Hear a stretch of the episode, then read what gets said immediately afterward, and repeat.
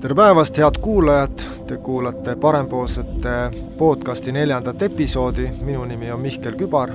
ja meil on täna saates külaliseks Henrik Hololei. tere, tere! ja, ja täna räägiks, võtaks, prooviks arutleda sellel teemal, et mis siis on Euroopas toimumas ja, ja, ja kuhu, kuhu me liigume ja, ja natuke seda pilti, et mis, mis tundub ka väljaspoolt Eestist meile, et nüüd me salvestame just sellisel päeval, kus eile õhtul on tulnud uudiseid äh, Suurbritanniast ja saan aru, et hommik on juba väga aktiivselt alustanud, et mis see nüüd jälle tähendab siis, et et äh, et mid-, mida see sinu töö mõttes nüüd tähendab siis, kui üks riik ütleb, et või mitmed riigid ütlevad, me enam ei lase ühel või teisel lennata? no eile see suhteliselt äh, ootamatult äh, võttisid kõigepealt äh, Holland ja Belgia esimestena siis sellise seisukoha, et nad peatasid lennud Nad peavad põhimõtteliselt siis äh, meid ähm, informeerima sellest ja esitama ka omapoolse põhjenduse, miks nad seda teevad. see õigus on neil olemas, iga riik võib seda teha, aga selleks peab ka Euroopa Komisjoni teavitama ja ja, ja, ja samuti peavad nad saama äh, me-, normaalses olukorras ka meiepoolse heakskiidu sellele. et mida see tähendas, see tähendas seda, et eilne päev, pühapäev, kuskil lõunapaiku läks äh, suhteliselt aktiivseks, äh, sellepärast et jah, sellele järgnes ju mitmed teised riigid ja, ja kõige murettekitavam oli õhtune uudis Prantsusmaalt, kus nad teatasid, et nad mitte ainult ei sulge eh, nii-öelda siis eh, reisijatele seda Eh, kes tulevad Suurbritanniast seda piiri, vaid ka kaupadele ja ja, ja see võib muidugi tuua endaga kaasa igasuguseid tagajärgi, et eh, alates kriisi esimesest päevast on meie seisukoht olnud see, et ähm, kaupade liikumiseks peavad piirid lahti olema ja ja siin ongi võib-olla hea teha kõrvalpõige, et kui ma nüüd mõtlen tagasi kas või seda aastat ja vaatan seda oma töö pilgu läbi, et siis äh, selle aasta kõige olulisem äh, saavutus vast on olnud nõndanimetatud roheliste koridoride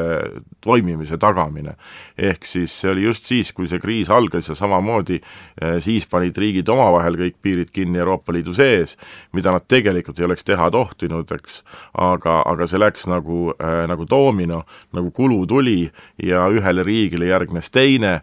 ja, ja, ja samas, kui nad panid kiirid kinni inimestele, siis äh, ja seda tehti muidugi koordineerimatult ja, ja tegelikult ka õigusvastaselt, aga noh, selles olukorras selle peale keegi ei mõtle, kuigi peaks siis mida nad hoomasid õige peale, et mitte ainult ei ole piirid kinni inimestele, vaid ka kaupadele, mis tõi endaga kaasa selle, et äh, olulised kaubad, meditsiinitooted, äh, siis ka muidugi erinevad sellised ähm, tootmisprotsessis vajalikud jupid, ehk siis tehased jäävad seisma, kui need nendele kohale ei jõua ja uuesti tehase käivitamine on jällegi väga pikk ja kulukas tegevus. ja, ja see nõndanimetatud või siis ütleme siis Euroopa koostöö kõige olulisem äh, vorm, ehk siis siseturg, siis eh, see sattus ikkagi löögi alla, nii et noh, oleks võinud küsida, et, et mis siis sellest Euroopa koostööst saab, kui siseturg enam ei toimi ja kui kaubad ei saa liikuda ja ja, ja kõik muu selline, et, et, et milleks meil siis seda vaja on. ja, ja, ja siis meil õnnestus ikkagi see, see kokkulepe saavutada, need põhimõtted kokku leppida ja seda, et tegelikult kaubad peaksid, ei tohiks seista kauem kui viisteist minutit kuskil piiri peal, sest et selleks hetkeks olid sabad mõnel pool kümneid kilomeetreid ja ja, ja, ja autojuhid, veokijuhid ootasid tunde ja, ja, ja siis äh, õnnestuski see ja, ja tegelikult kui me täna vaatame, siis äh, see on taganud kogu selle kriisi ajal toimimise, ei ole tekkinud mitte mingisuguseid probleeme kaupade liikumisega ja nüüd siis vahetult äh, peaaegu enne aasta lõppu selline ootamatus, et, et tahetakse piirid kinni panna ka kaupadele. jah, tõepoolest, see on praegu ainult, puudutab ainult Suurbritannia vahelist kaubandust, aga nagu me selle viiruse puhul oleme ühte asja õppinud ja, ja see on nimelt see, et ähm, et see levib kiiresti ja igale poole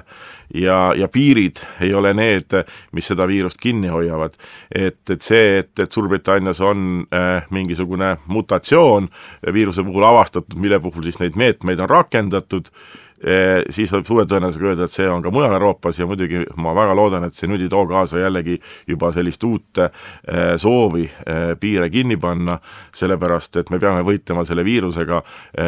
majanduste tasalülitamine, teatud majandussektorite ikkagi täiesti nii-öelda võiks öelda, lukku panemine, noh see ei ole ka lahendus, eks. ja, ja seda me oleme selle aasta jooksul oleks pidanud õppima, nii et Ähm, et tegelikult äh, neid meetmeid, mida on rakendatud erinevates kohtades, on piisavalt ka selleks, et tagada see, et, et me ikkagi oleme niivõrd-kuivõrd äh, äh, kaitstud, aga eks kõik hakkab inimesest, nii et noh, tervikuna siis äh, pikk jutt, aga, aga siin sai nagu üht-teist ka juba lahti räägitud sellest, sellest aastast, mis, kus on domineerinud see viirus ja ja, ja, ja kus on tegelikult domineerinud ka pidevalt selline piiride kinni lahti tegemine,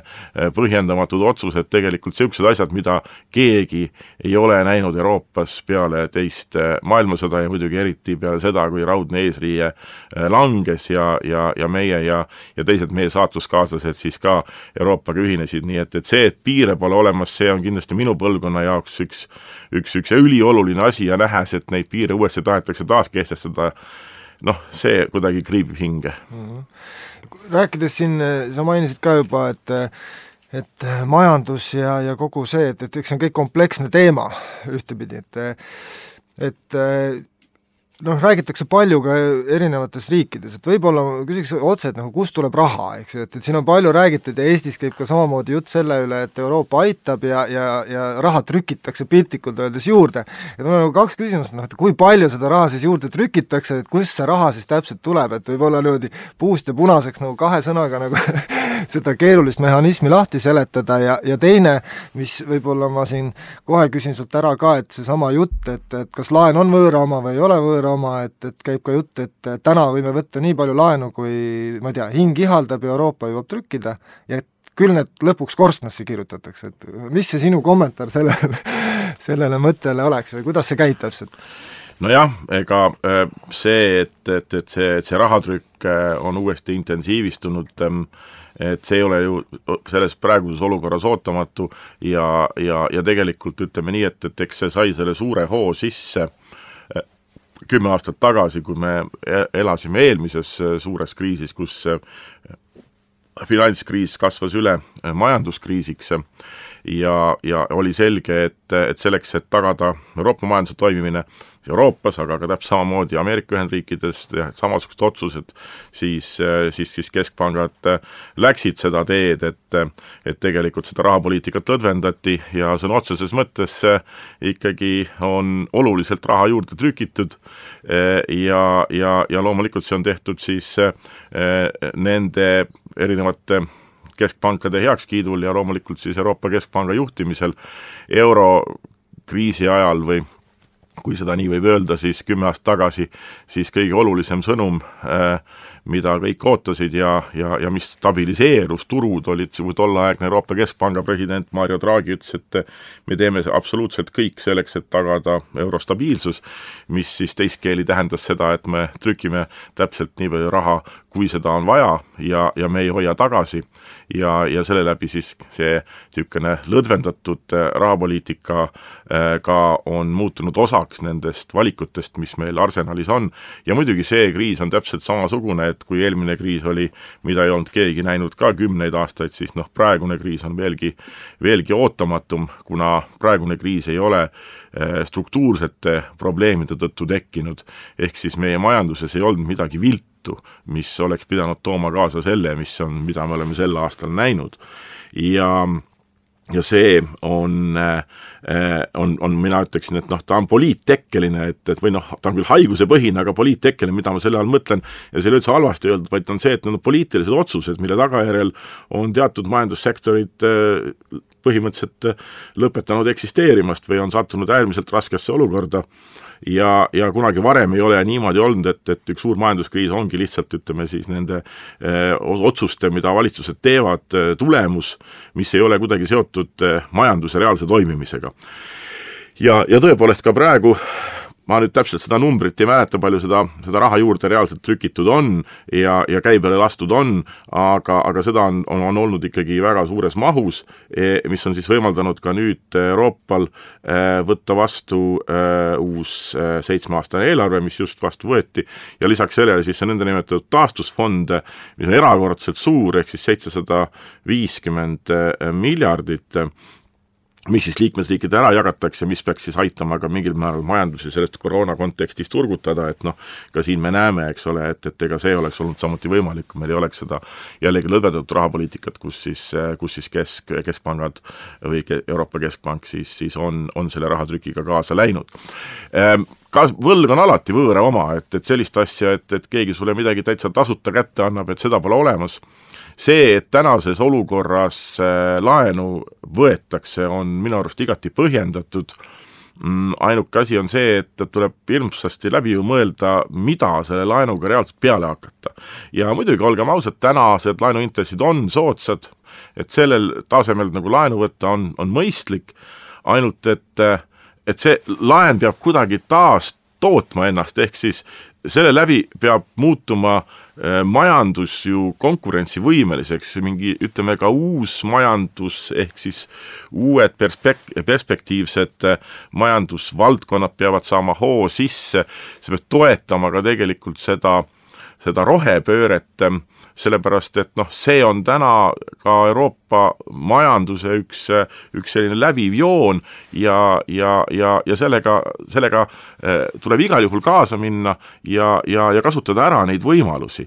Ja, ja loomulikult taristuinvesteeringud on ka üks selline osa, mille kaudu saab majandust elavdada, sellepärast et mida me tahame sellega teha, peaks olema see, et et kuidas me loome ikkagi majandusele need kasvueeldused ja kuidas me parandame ka riigi toimimist, eks noh, näiteks eh, taristuinvesteeringud, eh, parem rongiühendus eh, ja, ja, ja uute võimaluste loomine on ka selge regionaalpoliitiline meede, et Eesti võib muutuda, võiks muutuda läbi selle palju väiksemaks, inimesed just nimelt seal, kus on tööpuudus kõrge, võtame kas või näiteks Ida-Virumaa, kui neil on rohkem paremad ühendused, siis see võimaldab neil ka eh, käia kaugemalt tööl, see ei tähenda seda, et kõik need töökohad peavad nende ümber olema, eks ole, vaid et ka erinevad eh, ettevõtted, kes investeerivad ühte või teise kohta, vajavad töökäsi, saavad neid palju kaugemalt siis, kui toimivad ühendused on paigas. seda saaks kõik laenurahaga ju tegelikult ka, ka teha. Mm, ja, ja seda laenuraha ei tohi lihtsalt nii-öelda tuulde lasta, seda, selleks ta küll ei ole, et teda külvata lihtsalt nagu öeldakse, helikopteri pealt. Ja siis ähm, olla olukorras, kus ähm, raha saab otsa ja tuleb hakata uuesti võtma, ehk me ei saa muutuda, ja see on ka minu mure, et me ei saa muutuda laenusõltlasteks täna me seda kaugelt ei ole, aga olgem ka ausad, eks ole, noh, nüüd läheb, minna natuke aja, ajas tagasi, ma olen alati olnud pigem selle poolt, et mõistlik laenu võtmine peaks olema riigi erinevate meetmete arsenalis, valitsuse meetmete arsenalis. Varasemate valitsuste puhul on see, ei ole see olnud äh, nii, meil on olnud erakonnad, kes on väga selgelt selle vastu olnud E, ja see on olnud omal ajal põhjendatud, aga selle läbi ei ole meil ka seda kogemust, kuidas tegelikult selle laenuga käituda. ja nüüd, eks ole, tuleb, on seda võetud väga palju, meie laenukoormus on kasvanud ja, ja, ja küsimus on selles, et, et kuidas edasi. ja nüüd ongi see küsimus, et me vaatame eelarveid, järgmine aasta, e-, meil on eelarve defitsiit väga suur, ülejärgmine aasta eelarve defitsiit samuti väga suur ja, ja, ja see peaks nüüd hakkama tagasi tulema, laenud peaks hakkama midagi, midagi tagasi teenima, mis võimaldaks, eks ole, saada suuremaid eelarvetulusid ja meil peab olema selge plaan, eks ole ju, kuidas sellest välja minna. aga mida me oleme näinud ka paljude teiste riikide puhul ja ma väga loodan, et seda Eestiga ei juhtu, on see, et, et vaadatakse, ahaa, iga uus valitsus tuleb, jube kerge on, võtame aga jälle laenu, seda me saame, noh, kui turul on laen nii soodsalt saada, siis ta on nii magus, eks ole ju, et seda võtta, ka selleks, et jooksvaid kulutusi katta aga, aga, aga, aga, aga, aga, aga väga raske on sellest pärast väljuda, ehk see väljumisstrateegia peab olema väga selgelt paigas, et, et me just nimelt ei muutuks selleks, selleks laenusõltlaseks ja, ja siin tuleb mõelda ikkagi mitu käiku ette, mitte öelda, et oh, täna, täna ma absoluutselt nõus, see on, kõik on põhjendatud, ainult et siin peab olema selge see, kus, kus me oleme. näiteks, väga oluline küsimus, aasta kaks tuhat kakskümmend kolm, järgmised Riigikogu valimised. aga kaks tuhat kakskümmend kolm eelarve peaks olema juba meil põhimõtteliselt eelarve miinus, peaks olema toodud nii-öelda sellesse kolme protsendi piiri mis tähendab siis seda, et kaks tuhat kakskümmend kolm eelarve peaks olema palju pingelisem. näidake mulle valitsus, kes läheb valitsus, valimistele vastu palju pingelisema eelarvega, mida on vajalik selleks, et olla majanduspoliitiliselt usaldusväärne ja saada soodsatel tingimustel laenu võib-olla ka tulevikus, kui seda reaalselt vaja läheb. No ma tahan näha seda ja, ja ma väga loodan, et noh, et selleks ajaks või, või, selleks tarbeks jätkub äh, julgust, äh, riigimehelikkust ja kainet mõistust, et, et nii minna. Ma ütlengi seda, et, et tavaliselt ikkagi Euroopa poole pealt on noh, varasemalt, ütleme jah, et see aasta on eriolukord ja, ja kõik selline, et et noh, Äh, olen minagi kriitiline olnud osad, osade, mitte ainult Eesti osas, vaid ka võib-olla mõne muu riigi osas, et, et täna võetakse ikkagi ka tegevkulude osas, et kas Euroopa Komisjonil või Euroopa Liidul ei ole selles mõttes niisugust mehhanismi ka pannud teatud ikkagi ka kriisisituatsioonis teatud tingimused, et a la, et ikkagi saate sellise summa laenu siis, kui te, ma ei tea, valitsuse tegevuskulusid või ütleme, püsikulusid ka mingi, ma ei tea, kolm protsenti kuni viis protsenti või kümme protsenti alandate no, või? põhimõtteliselt on, noh, need ongi needsamad äh, äh, kriteeriumid, mis ju paigas on, ehk liigi laenukoormus ei tohiks olla üle kuuekümne protsendi. Need pole kuskile kadunud, eks? ja eelarve defitsiit täpselt nimelt ei, ei ole mitte kuhugi kadunud, kuni kolm protsenti. ja just nimelt selle kolmeprotsendilise eelarve defitsiidi sees, eks ole, kui ta läheb ikkagi oluliselt üle ja hakkab paisuma, noh, siis riikidel on suhteliselt keerulised läbirääkimised Euroopa Komisjoniga eh, selles osas, et, et millised on kas või need kulude kärpimise meetmed ja mida peab ette võtma eh,, need on lõppude lõpuks riikide omad valikud, aga nad peavad suutma veenda, et see eelarve üle, või eelarve siis, äh, see, et eelarve on tasakaalust väljas, et see ei ole nüüd ütleme, niisugune püsiv struktuurne probleem, vaid on erinevad sammud, mida astutakse selleks, et sinna jõuda nüüd selle eelarve tasakaalu juurde tagasi. no siin on see asi, et, et see on olnud, need kriteeriumid on olnud paigas, Eesti on ka olnud nende eest suur eeskõneleja ja väga õige on sellise konservatiivse rahapoliitika toetaja aga noh, tänane olukord on hoopis teine, eks ole, et noh, tõenäoliselt järgmise aasta eelarve juures Eestil on üks kõige suuremaid eelarve puudujääke euroalal. Eh, ja, ja see noh, jällegi me eeldame, loodame, et see on, see on ajutine, eh, aga, aga, aga nüüd on jällegi see, et noh, kuna praegu on see kriis, siis kõikide nende eh, eesmärkide, mis paigas on, eh, eh, täitmine on, on nagu ütleme siis hetkel lastud väga lõdvaks, ehk siis enamus riike sõidavad sellest üle ja, ja, ja kuna on see kriisiolukord, noh siis ka on arusaadav, et midagi tuleb teha, on ka selge, et noh, täna laenuraha kasutatakse ka selleks, eks ole ju, et tõepoolest, et ka jooksvaid kulutusi katta selles kriisi kontekstis, mis on ju ka mõeldav. aga nüüd, kui me vaatame kas või seda Euroopa taastusrahastut, mis on tegelikult hästi oluline, ka Eesti jaoks tähendab ta ikkagi väga suurt äh, täiendavat äh, lisasüsti äh, meie majandusse ja meie eelarvesse, et ähm, selle raha kasutamine saab olema, põhinema siis nendel reformikavadel mida, mida riigid peavad esitama ja Euroopa Komisjoniga ka läbi rääkima. et see on siis aluseks selleks, et sealt taasterahastust seda, seda täiendavat finantseerimist saada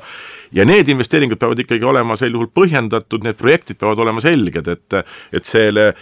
selle taasterahastu kasutamise periood on suhteliselt lühikene, mis tähendab, et noh, need projektid, mida sinna välja käiakse, need peavad olema ikkagi eelnevalt olemas, et sa ei saa öelda, et noh, me siin nüüd täna otsustasime, et me hakkame seda tegema ja ega me täpselt veel ei tea, kuidas me teeme, aga küll me tuleme mingi projekti projektiga välja, no ilmselgelt, et niisugust asja ei ole võimalik rahastada, kuna lihtsalt see, see aeg saab otsa, me teame, kui kaua läheb, eks ole, kui see tuleb projektiga välja ja see on nagu reaalselt, reaalselt olemas, et noh, olemasolevad projektid,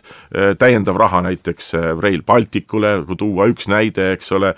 taristuinvesteeringud, mida on tehtud minu poolest Tallinn-Tartu maantee, noh, mis iganes sellised ja, ja loomulikult need, mis seda, seda majandust nii-öelda toestaks, nii et siin peab riik omalt poolt Äh, suutma veenda, et need projektid on jätkusuutlikud ja ollakse võimelised seda raha ära kasutama. Ja need reformiplaanid siis tõepoolest siis need räägitakse komisjoniga läbi ja, ja selle käigus siis, et olekski see raha sihi- ja mõistuspärane, aga see, mida nüüd riik omakorda teeb, eks ole, täiendavalt laenudega, noh, see on just nimelt see, kus siis tuleb arvestada ka seda eelarve, eelarvepositsiooni eh, tervikuna. ja ühe asja ma tahaks siia veel öelda, et seesama eh, eh, needsamad reformikavad et, ähm, et noh, on selge, et noh, täna on meil üks valitsus, homme on teine, siin me paneme paika ikkagi äh, päris arvestatava hulga raha kasu, kasutamise, mis omakorda mõjutab ka Eesti keskkonda mitte ainult üks või ühe valimistsükli, vaid äh, aastaid aastakümme, ütleme nii, aastakümneid võib-olla isegi ja, ja sellise täiendava finantseerimise puhul ma arvan, oleks olnud igati mõistlik, kui oleks eh, proovitud leida ja kaasa, ka kaasata sinna nii-öelda kõiki poliitilisi jõudu ja, ja proovida leida niisugust ühisosa, mille peale saab öelda, see on meie Eesti ja, ja meie tahame teha neid investeeringuid, kuna me usume, et need teevad meie Eestit paremaks. loomulikult valitsus on see, kes teeb selle lõpliku otsuse, kuna see on täna see, kes otsustab aga, aga nende reformikavade nii-öelda väljatöötamisel oleks pidanud olema palju rohkem arvestama ka seda, mida ütleb tänane opositsioon, kes on tõenäoliselt homme või ülehomme, eks ole ju, ise valitsuses, sest lõppkokkuvõttes me ehitame kõik sedasama ühte Eestit ju ja tahaks, et see läheks paremaks. ja, ja ma arvan, et sellistes olukordades peaks seda mõtlemist olema. kui ma vaatan ajaloost tagasi, jah, üks selline projekt oli, eks ole, kas või Eesti liitumine NATO-ga, kus eh, ja ka Euroopa Liiduga, kus ikkagi see konsensus oli, oli parteide ülene laias laastus ja, ja kus ka kutsuti kokku eh, just vahetult enne NATO-ga liitumist ka,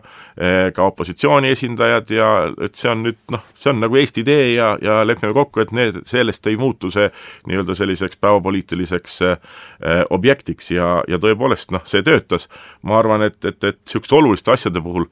peaks eh, sellist võimalust rohkem ära kasutama, et see ei ole see, et nüüd meie oleme täna siin ja nüüd kurat saame ja, ja otsustame, et, et jube kihvt on, eks ole. on kihvt küll, ainult et eh, jällegi, me peame suuremat tervikut arvestama. Kui siit korraks minna tagasi veel selle Euroopa terviku juurde ka, et ehm, Brexit. Tundub nagu justkui lõputu teema, ma vaatan Eesti ajakirjandus seda kajastab niimoodi hooti, nüüd on ju mõned päevad praktiliselt, et äh, et seda, see on tõesti ilmselt äh, teema, mis vajaks kahte-kolme saadet, et kus sellega pihta hakata ja mis see täpselt on, aga kui proovida jällegi äh, mõne sõnaga kokku võtta, et täna nii-öelda käib leppeta, leppeta, enamus infot võib olla The Guardianist, mis ma olen lugenud, et mis siis saab või ei saa, eks, et segadust on nii Suurbritannias kui Euroopa Liidus, et võib-olla mõned punktid, et mm -hmm. noh, ma ei tea, palju räägitakse kalastamisest nii-öelda. tõepoolest. mis seisus me siis selle Brexitiga nüüd oleme ja, ja, ja, ja kas keegi oskab nüüd ennustada, mis siis saab Kuwait teaks, e, e, tegelikult ega see, see, see aeg e, omakorda saab lõpule selles mõttes, et, et läbirääkimised peavad mingisuguse lahenduseni jõudma, et ka see, et kokku ei lepita, on ju ka ikkagi lahendus, aga väga halb lahendus. et, et nüüd on aasta lõpuni tõepoolest jäänud vähem kui kaks nädalat, et et,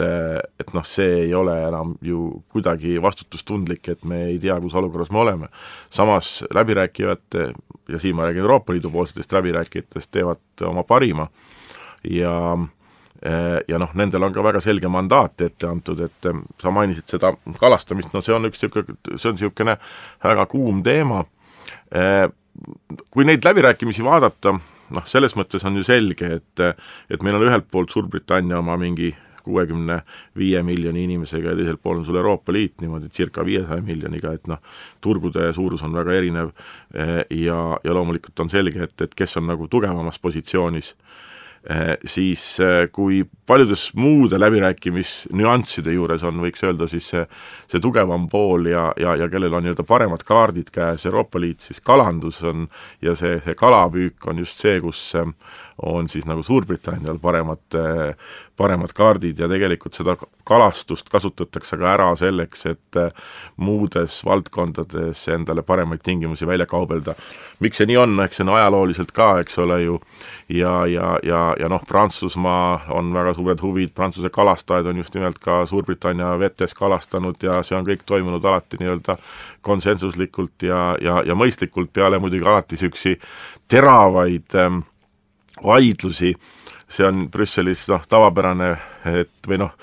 tavapärane on see, et teadmine, et et, et enne, kui aasta lõpeb, on alati üks äh, väga pikk äh, nõukogu koosolek, äh, mis tavaliselt kestab öö läbi ja ma arvan, et mõnel puhul ka lihtsalt äh, tekkeliselt, sellepärast et näidata, et läbirääkimised on nii keerulised ja huvide eest on nii karmilt kaits-, seistud. ja need on need läbirääkimised, kus lepitakse kokku järgmise aasta kalastuskvoodid. ja nii et noh, see, see on olnud iga, iga aasta niimoodi, võib-olla siin mõnel viimasel aastal natukene, natukene vähem, aga on alati teada, et see on, ja kui see on lõppenud, et siis on põhimõtteliselt aasta, aasta läbi noh, see on näide sellest, eks ole, kuidas ta muidu on. Ja nüüd, eks ole, on ootamatu veel, kus on siis Suurbritannia, kellel on väga, väga suured eh, nii-öelda territoriaalveed, eh, kus siis eh, on, on alati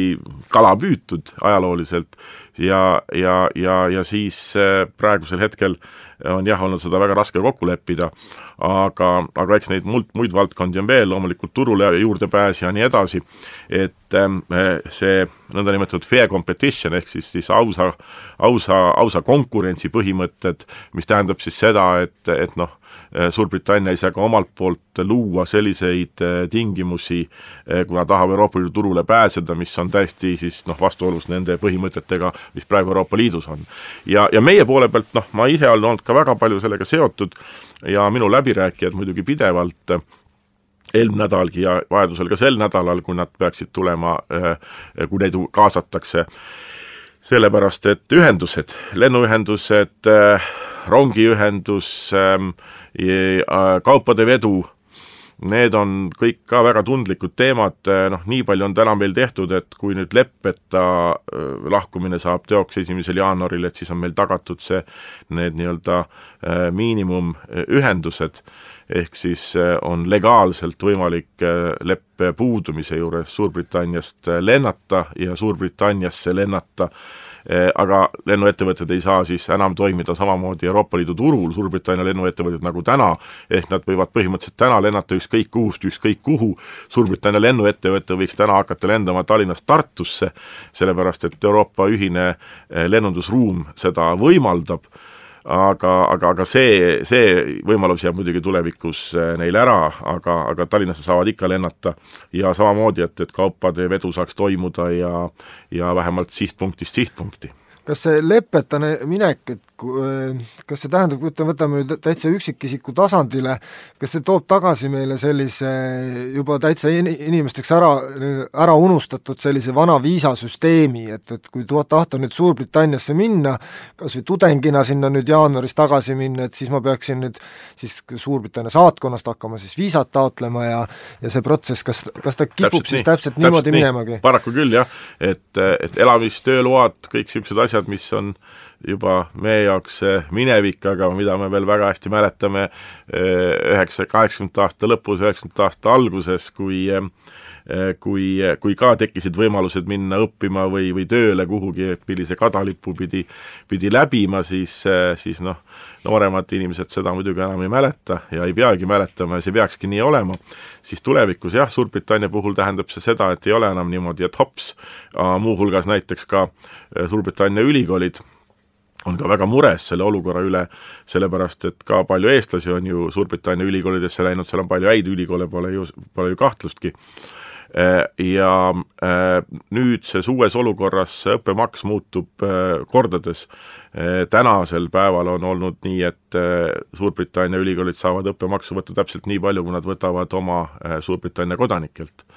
ehk siis kõikide Euroopa Liidu kodanikele peavad kehtima üht-, ühtsed reeglid, ei tohi kedagi diskrimineerida kodakondsuse põhjal, kui sa oled Euroopa Liidu liige ja, ja tulevikus need tõusevad, need summad üles, paljud Euroopa tudengid hakkavad vaatama kindlasti muid ülikoole, sellepärast et see on mõttetult kallis, see haridus ei ole seda nii palju rohkem väärt, ja kuigi tänagi on juba Suurbritannia ülikoolide õppemaksud olnud ühed kõige kõrgemad, kui mitte kõige kõrgemad Euroopa Liidu sees, siis ähm, ülikoolid tähendab seda, et esiteks äh, jäävad paljud ähm, head tudengid tulemata, noh, rääkimata sellest, et ülikoolidel pole enam võimalust saada Euroopa Liidu rahastamist, millest on olnud äh, ka Suurbritannia teadustöös väga-väga oluline roll. nii et jah,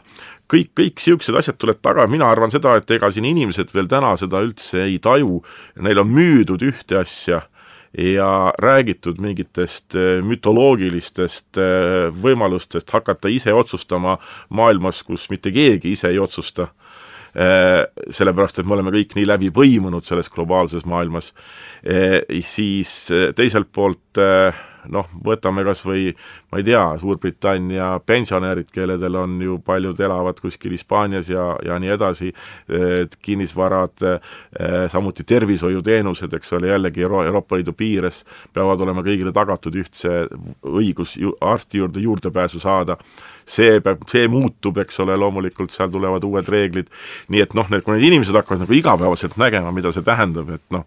et siis on küll niimoodi, et, et ma arvan, see arusaam kohale jõudma, et, et noh, et, et mida, mida me nüüd siis ikkagi tegime ja, ja, ja noh, eelkõige tähendab see noortele hästi paljude uut vana või võimaluste äravõtmist, et et, et noh, nad ei saa enam niimoodi tulla Euroopasse tööle, õppima ja, ja, ja loomulikult noorem põlvkond on oma olemuslikult ju palju eh, kosmopoliitsem, globaalsem ja, ja on alati, alati tahtnud ju rohkem teha ja näha, nii et noh, vastupidi, tuleb alati suurendada nende võimalusi. kuidas see, kas see ennustus, et ka, et ehm, et kas see on üldse võimalik, et nagu Suurbritannia kunagi tagasi Euroopa hüppe tuleks, räägime viieteist, kahekümne aasta perspektiivist? kes teab? või on see täitsa nagu lõpetatud peatükk ja kes teab, et et, noh, küsime seda ka nii, et, et kas meil eh, viieteist aasta pärast on üldse Suurbritannia eh, või Ühendatud Kuningriik, nagu me teda täna teame, eks ole ju, et et uus, uuesti, soov uuesti Šotimaal teha iseseisvusrahvahääletust, eh, mis on, on väga suure tõenäosusega seekord ikkagi võimalusega läbi minna, mis saab ka näiteks Põhja-Iirimaast, et et, et ega, ega noh, mõlemad, nii Šotimaa kui Põhja-Iirimaa hääletasid Euroopa Liiduga jäämi-, Euroopa Liitu jäämise poolt, noh, Šotimaal on loom-, loomulikult viimase aasta, paari aastakümnega see iseseisvuspüüdlus väga jõuliselt kasvanud, peale ebaõnnestunud referendumit selles osas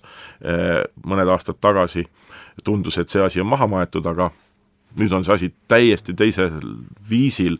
selles keskmes eh, tagasi ja ma ei ole üldse imestunud, kui siin mõni aasta pärast see referendum toimib. ja, ja selle kõige taustal ma ütlen, ega noh, miski pole võimatu, eks ole, et et, et ega, ega, ega küsimus on eh,, kuidas, kuidas neil läheb ja kuidas nad seda ise näevad, nad on väga uhke eh,, uhke riik, uhke, uhke rahvas ja, ja samas noh, möönda, et, et, et väga kehvasti läks see, ma arvan, nad seda ka ei taha, nii et noh, ega see pole, pole nii lihtne, et eks hästi oluline on see, et meil Euroopa Liidul ja Suurbritannial tegelikult säiliksid tihedad ja, ja head ja, ja, ja vastastikku toetavad suhted, sellepärast et eh, hoolimata nendest karmidest läbirääkimistest ja pettumustest, mis võib ühel ja teisel poolel, siis eh, me oleme üksteise jaoks absoluutselt kõige lähedasemad eh, partnerid ja, ja ma arvan, et et sellistena me peaks ka selle tulevikusuhte kujundama sa mainisid siin sõnaga globaalselt, vaataks korra siis globaalsemalt veel siit äh, Euroopa kõrval, mis toimub, et siin on äh, noh, ei saaks öelda, et nüüd maailm oleks rahulikumaks läinud, et vaata, et kipub ka segasemaks muudkui minema. et võib-olla korra võtaks ka ajaloos tagasi, et, et, et erinevad kriisikolded, võib-olla mõne sõnaga et äh, kindlasti palju kõneainet, noh täna, eks ju, Valgevene sündmused toimuvad, Euroopa Liit tavaliselt on erinevate sanktsioonidega äh, pahalasi karistanud ühel või teisel viisil. et võib-olla, et, et mis toimub praegust või vaate äh, pilk Euroopast, ütleme Valgevene kontekstis ja, ja mind isiklikult alati ka huvitab muidugi ka Ukraina konflikti tagamaad, et seal on juba ju, ju juba mitmeid-mitmeid aastaid Euroopa Liit ka jõuliselt sekkunud nii-öelda läbi sanktsioonide, et et kui tulemuslikud need on, on olnud ja, ja mis siis praegu lisaks Covidile on veel, kas on üldse mahti sellega tegeleda? no kõigepealt äh, ma ütleks seda, et, et, et, et kriisi, kriisikolded, et et väga palju oleneb mis, et kuidas nähakse või, või mida peetakse kriisikoldeks, oleneb ka sellest Äh, kust sa, kust sa tuled või, äh, või kust sa pärit oled, mida ma sellega tahan öelda, on see, et kui me siin oleme Eestis, siis loomulikult meie jaoks, mis toimub Ukrainas, mis toimub Valgevenes, see on meie lähedal, need on tegelikult ju riigid, keda me tunneme, teame, mõistame ja ka, ka meie välispoliitikas on nad alati olnud, eelkõige Ukraina muidugi, tähtsal kohal selles mõttes, et meil läheb korda, mis seal on. noh, kui sa oled näiteks hispaanlane, siis äh, tõenäoliselt läheb sulle äh, võib-olla märksa rohkem korda praegu näit-, natukene uuesti pingeliseks minev äh, Lääne-Sahara eks ole, või siis, või siis kõik, mis toimub näiteks Põhja-Aafrikas või ja, ja loomulikult noh, tervikuna ma arvan, et, et, et ikkagi kõige niisugusem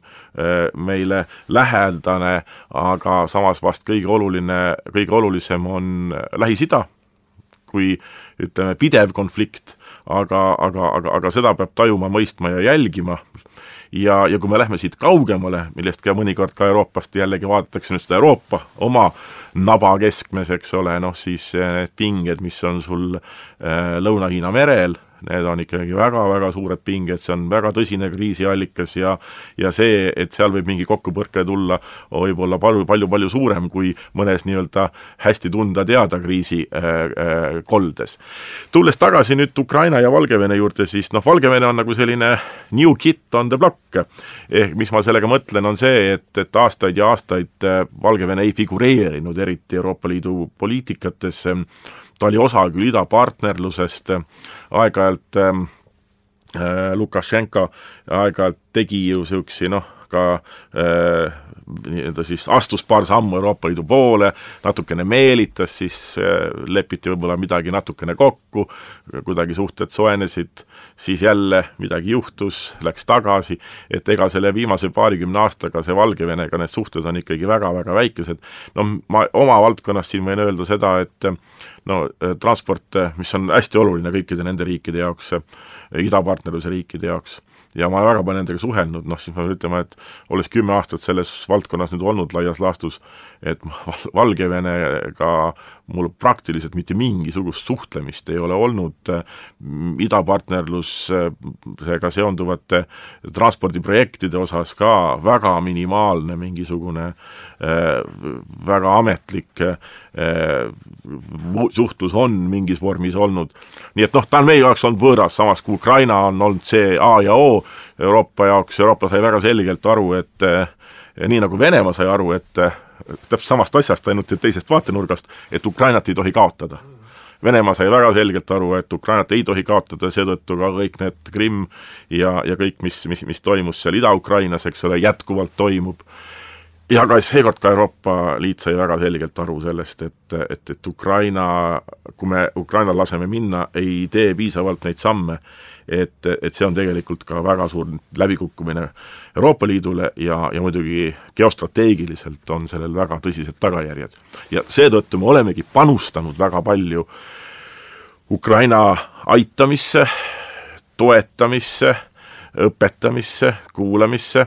ja üks asi on selge, et Ukraina on, tänane ametlik Ukraina on selgelt oma näo läände pööranud, selles pole, pole kahtlustki Äh, seda enam ka tagasi ei pööra, et noh, Venemaa on selleks ka omalt poolt piisavalt teinud, et seda ei juhtu. aga, aga samas äh, ega selle Ukraina ühiskonna reformimine nüüd väga äh, kiiresti ka ei lähe, et me näeme ikkagi väga palju selliseid äh, probleeme, äh, mida, millega aastaid, aastaid võideldakse, a la igasugune korruptsioon ja, ja ja, ja maksudest kõrvalhoidmine, maksupettused, kõik muu selline majandust ikkagi, majandustegevust pärssiv, äh, pärssivad tegevused, läbipaistvuse puudumine, poliitikute ja ja, ja siis oligarhide nii-öelda omavahelised sellised liidud ja nii edasi. et eks see Ukraina ühiskonna areng saab olema ikkagi selline niisuguseks noh, ütleme meie mõistes siin nagu läänelikumaks ühiskonnaks, see on, see on pikk protsess ja, ja kindlasti Euroopa Liit on selle protsessi osa, jääb sinna ja jääb sinna ka, ma arvan, pikaks ajaks. kui Lähis-Idast veel kahe sõnaga, et kas ma märkasin üks päev,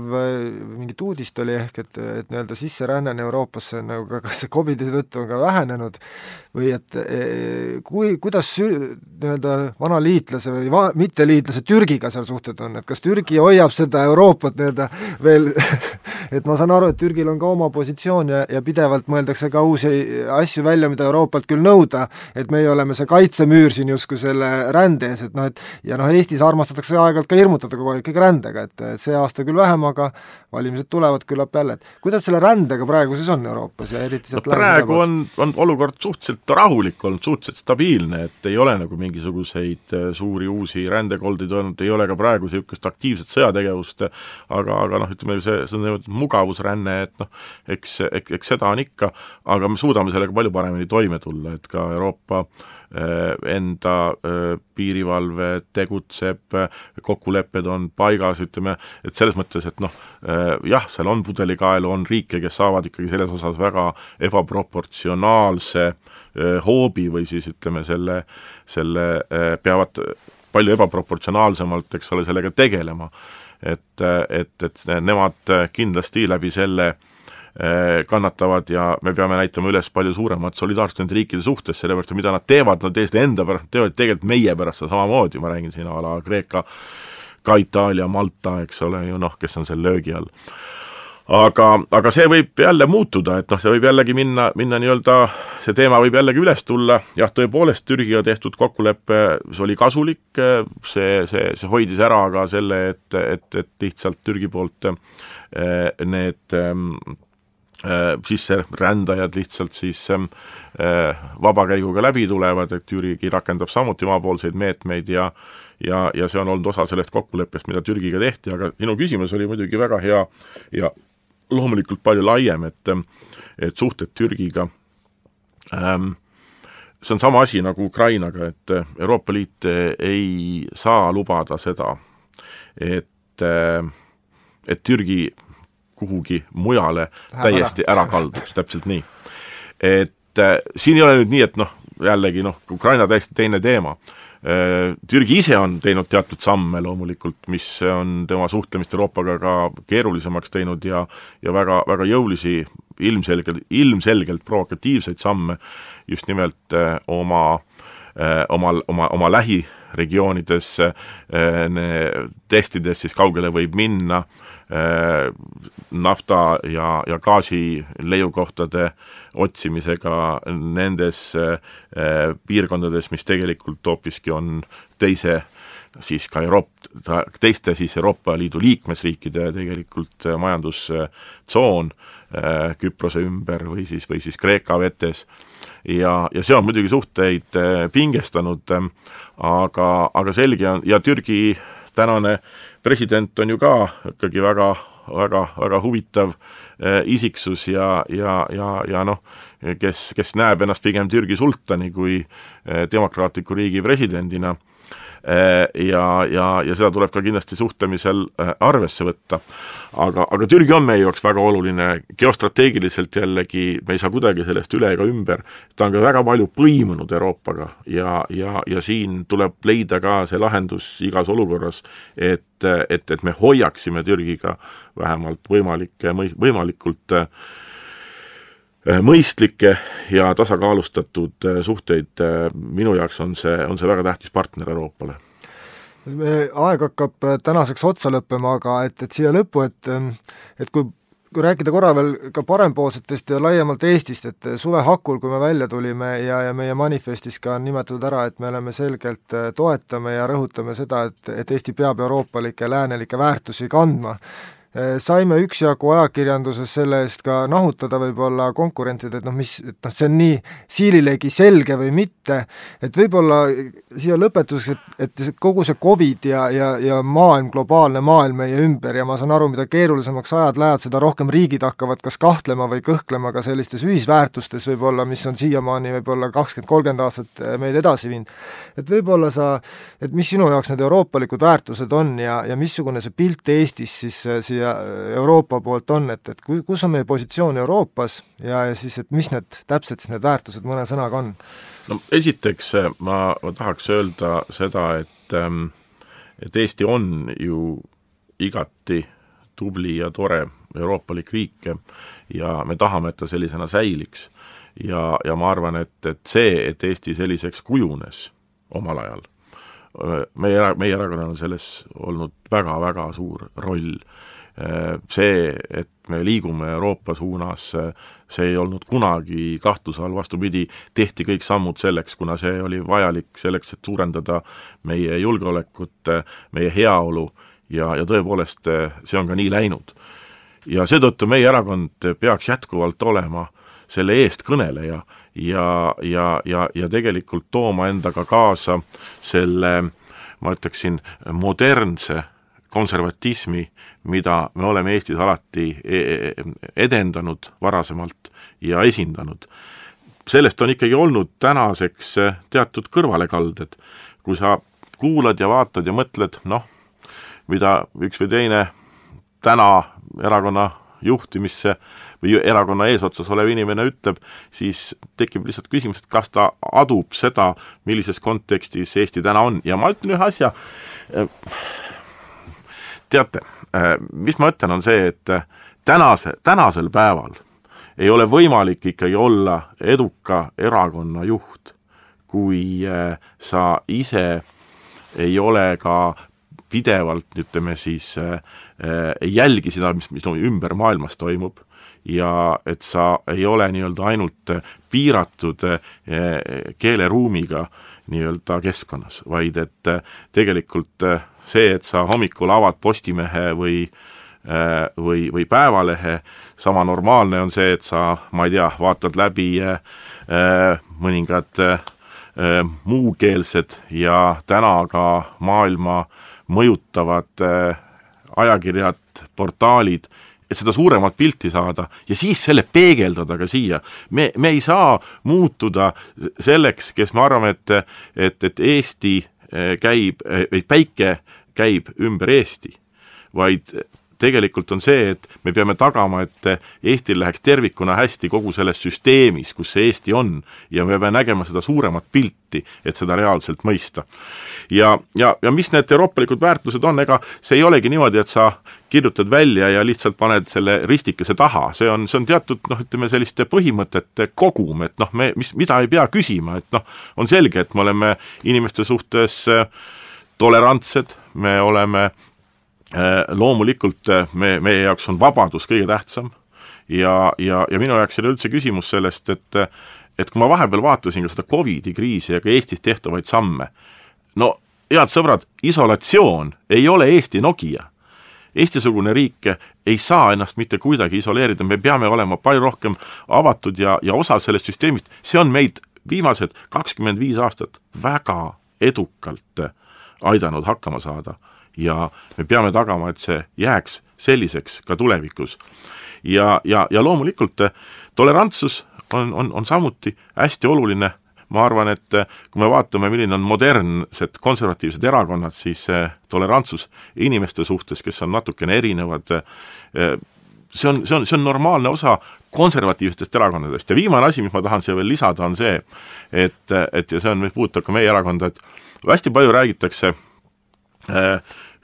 tänapäeval konservatiivsus ja seda seostatakse EKRE-ga, kuna jah, see on täpselt sama, kui sa seostad äh, liberaaldemokraatiat äh, Vladimir Žirinovskiga. see, et tema erakonnas on see nimi, et ta on liberaaldemokraatlik partei, ei tee teda liberaaliks. nii nagu see, et EKRE on endale kaaperdanud sõna konservatism, ei tee seda konservatiiviks EKRE konservatism on siia imporditud arusaam konservatismist Ameerika Ühendriikides, mida viiakse läbi läbi Rahvaliidu äh, nii-öelda äh, selle äh, liikmeskonna põhimõtteliselt, eks ole. me oleme ainukene Eestis olev konservatiivne erakond ka sellepärast, et me ju kuulume EPP-sse, Euroopa Rahvaparteisse, kuhu võetakse vastu konservatiivsed erakonnad. kui EKRE oleks ka konservatiivne erakond,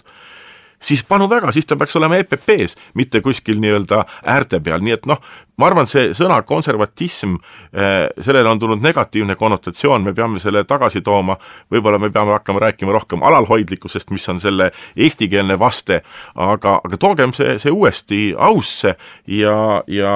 ja ma arvan, et see oleks nagu üks väga oluline asi, mida ka parempoolsed eh, teha saavad, parempoolsed on millegipärast süüdistatud eh, või öeldud, et te olete liberaalsed, ei, modernne konservatism ongi selline ja ma arvan, et me peame sellele andma teistsuguse sisu, nagu võib-olla mõned need, kes seda täna väga kitsalt tõlgendavad ja võib-olla ei mõista kõiki neid protsesse, mis meie ümber maailmas toimuvad ja mis toimuvad ka meie sõsarparteides siin või sealpool, nii et, et noh, sihukene väikene mõte minu poolt. suur tänu, meie aeg on tänaseks ühel pool, me jõuame kindlasti siin veel eh, teinekord veel teistel teemadel rääkida palju asju õhku, õhku. igal juhul suur tänu meie, meie eh, taskuhäälingus osalemast, eh, palju jõudu, sest et kriis pole kaugeltki läbi Euroopas, nii et järgmine aasta saab ka kindlasti veel põnev olema ja ülejärgmine aasta, nii et suur tänu, saates oli Hendrik Hololei ja mina olin saatejuht Mihkel Kübar. ja minu poolt ka kõigile suur tänu, kes leidsid aega ja huvi kuulata ja tahaks eh, kõigile soovida rahulikke jõule ning loomulikult ikka paremat uut aastat!